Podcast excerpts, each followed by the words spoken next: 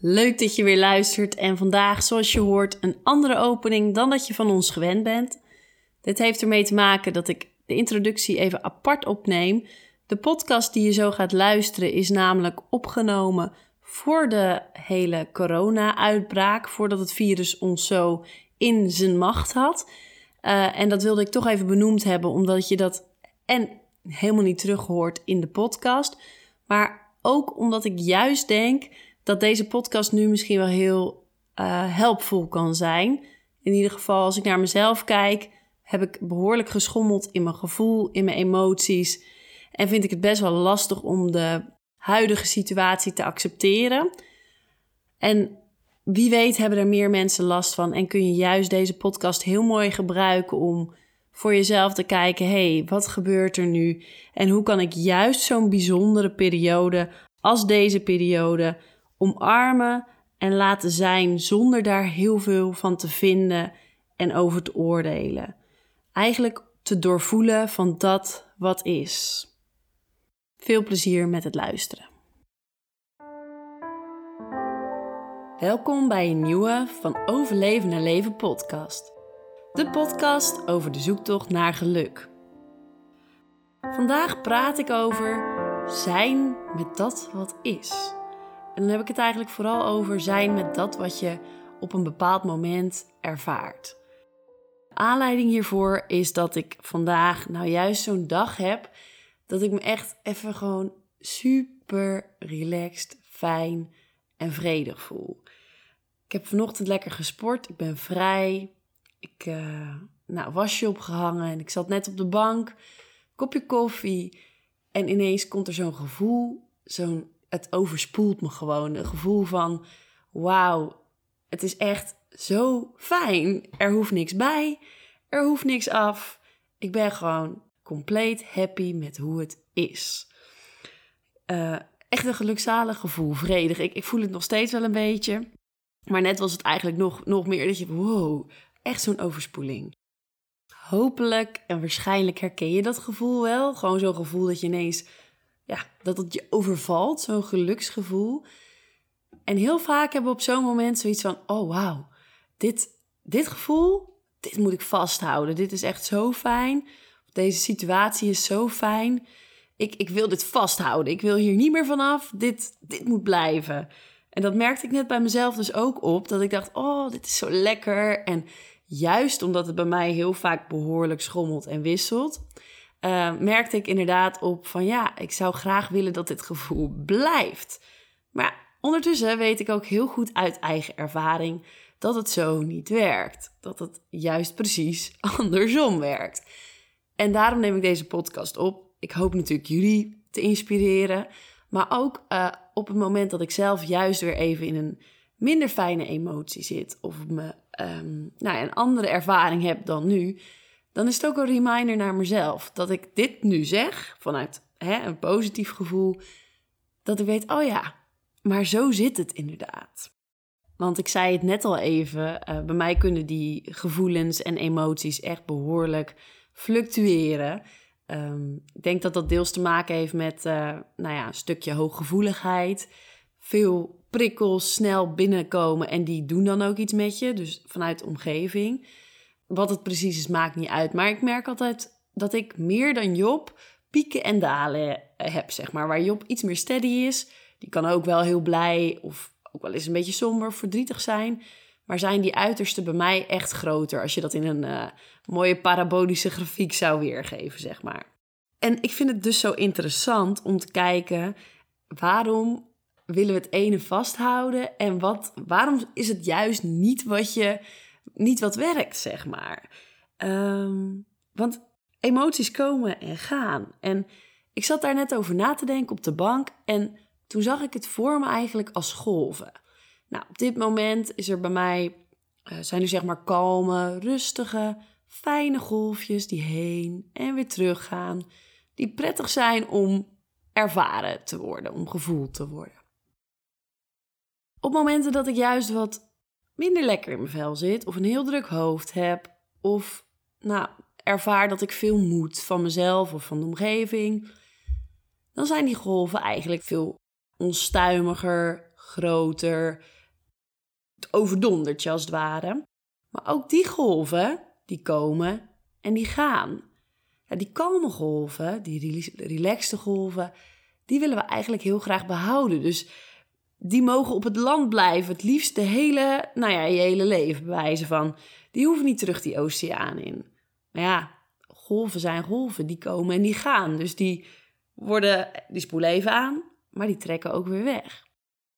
Hetzelfde geldt natuurlijk voor die onstuimige golven, die komen ook aan en die trekken zich ook als vanzelf weer terug. Maar wat gebeurt er nou vaak met zo'n onstuimige golf, oftewel een emotie of een gevoel dat je niet wil voelen? We laten hem niet toe op ons landje. We hebben zoiets van: ho, ho, dit wil ik niet ervaren, dit wil ik niet voelen. Ik duw hem lekker terug die zee in. Hop, hop, blijf maar lekker daar. Nou ja, misschien dat het je even lukt om een golf tegen te houden, maar uiteindelijk wil die golf gewoon het land op. Het is de natuur, het komt en het gaat. Ehm, dus een emotie wil uiteindelijk ervaren worden, gevoeld worden. Maar wij willen dat liever niet. Niet als het een negatieve emotie is, wel een positieve. En toen zat ik zo te denken, ja, oké, dus dat is eigenlijk wat er gebeurt. Het zijn golven die komen en die gaan, die gevoeld willen worden. Maar de ene golf willen we heel graag behouden, zo lang mogelijk aan land. En de andere golf, met de negatieve gevoelens, willen we terugduwen.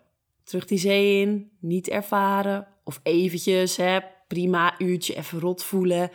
Maar ik ga me toch niet een week somber en, uh, en rot lopen voelen. Maar grappig genoeg zit hier eigenlijk precies de crux. Want als we ons dus fijn voelen en nou, we willen dat graag behouden, we willen het vasthouden, dan ontstaat er eigenlijk als vanzelf verkramping. Pak maar eens iets vast, weet ik het wat, een pen. Je houdt het vast en als je het, hoe steviger je het vast wil houden, hoe meer je een vuist maakt en hoe meer verkramping er ontstaat in je hand. Verkramping geeft spanning.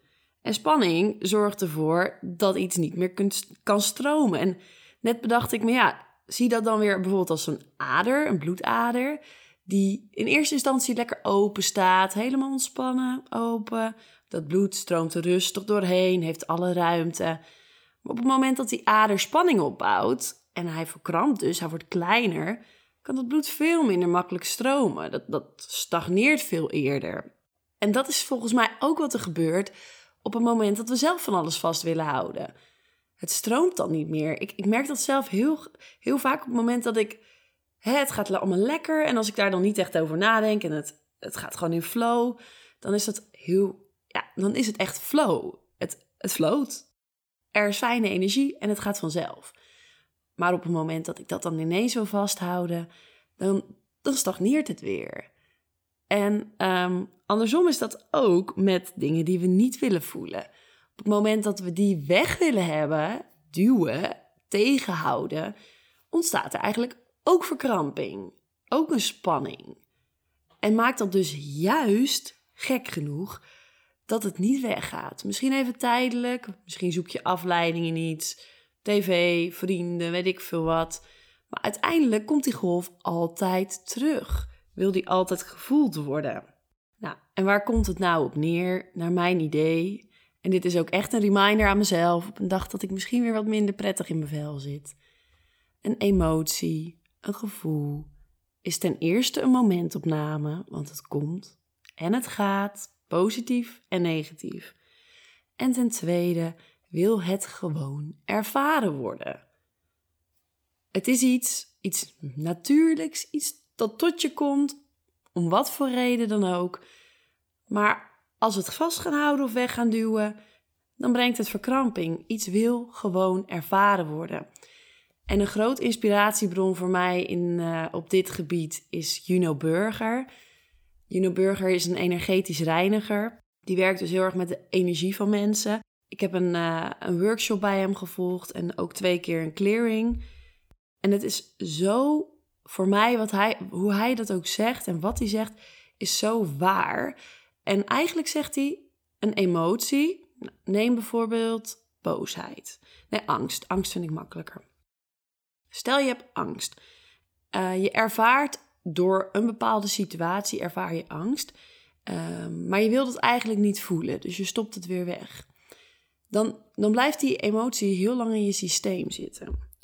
Maar op het moment dat je de emotie er helemaal kan laten zijn en je dan niet identificeert met dat wat je voelt en ervaart, maar gewoon opmerkt wat er is. Dus hé, hey, ik ervaar op dit moment angst.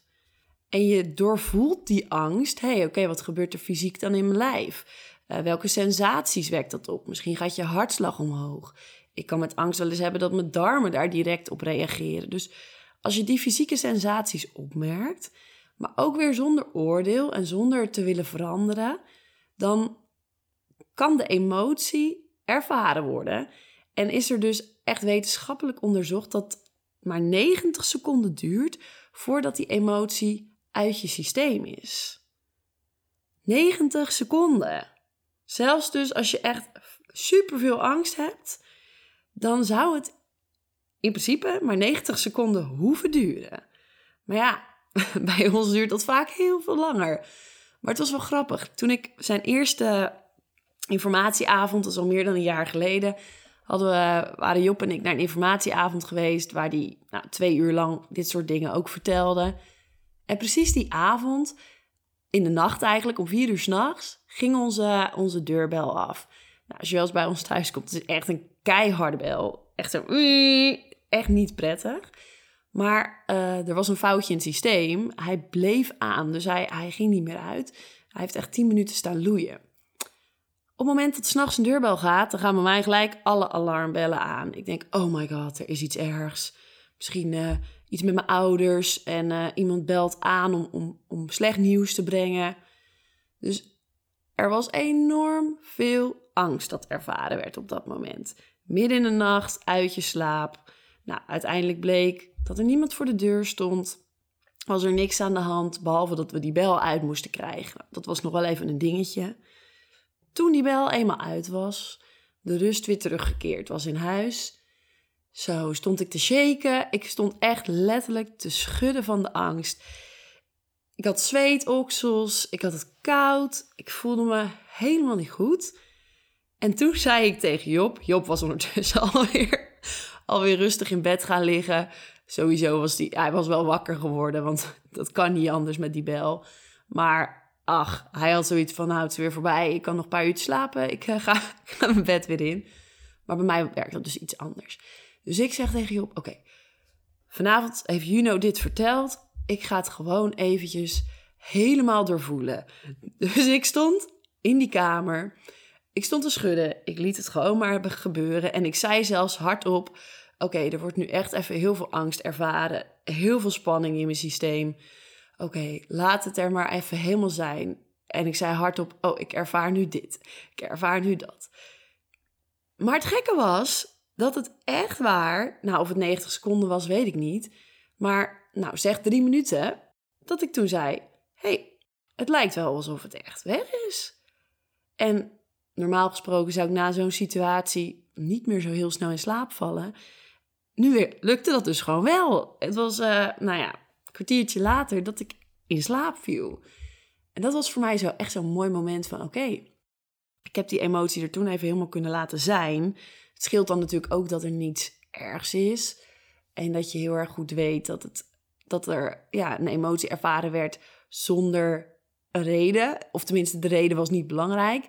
Dus dit was ook wel een heel mooi voorbeeld om ermee te kunnen oefenen.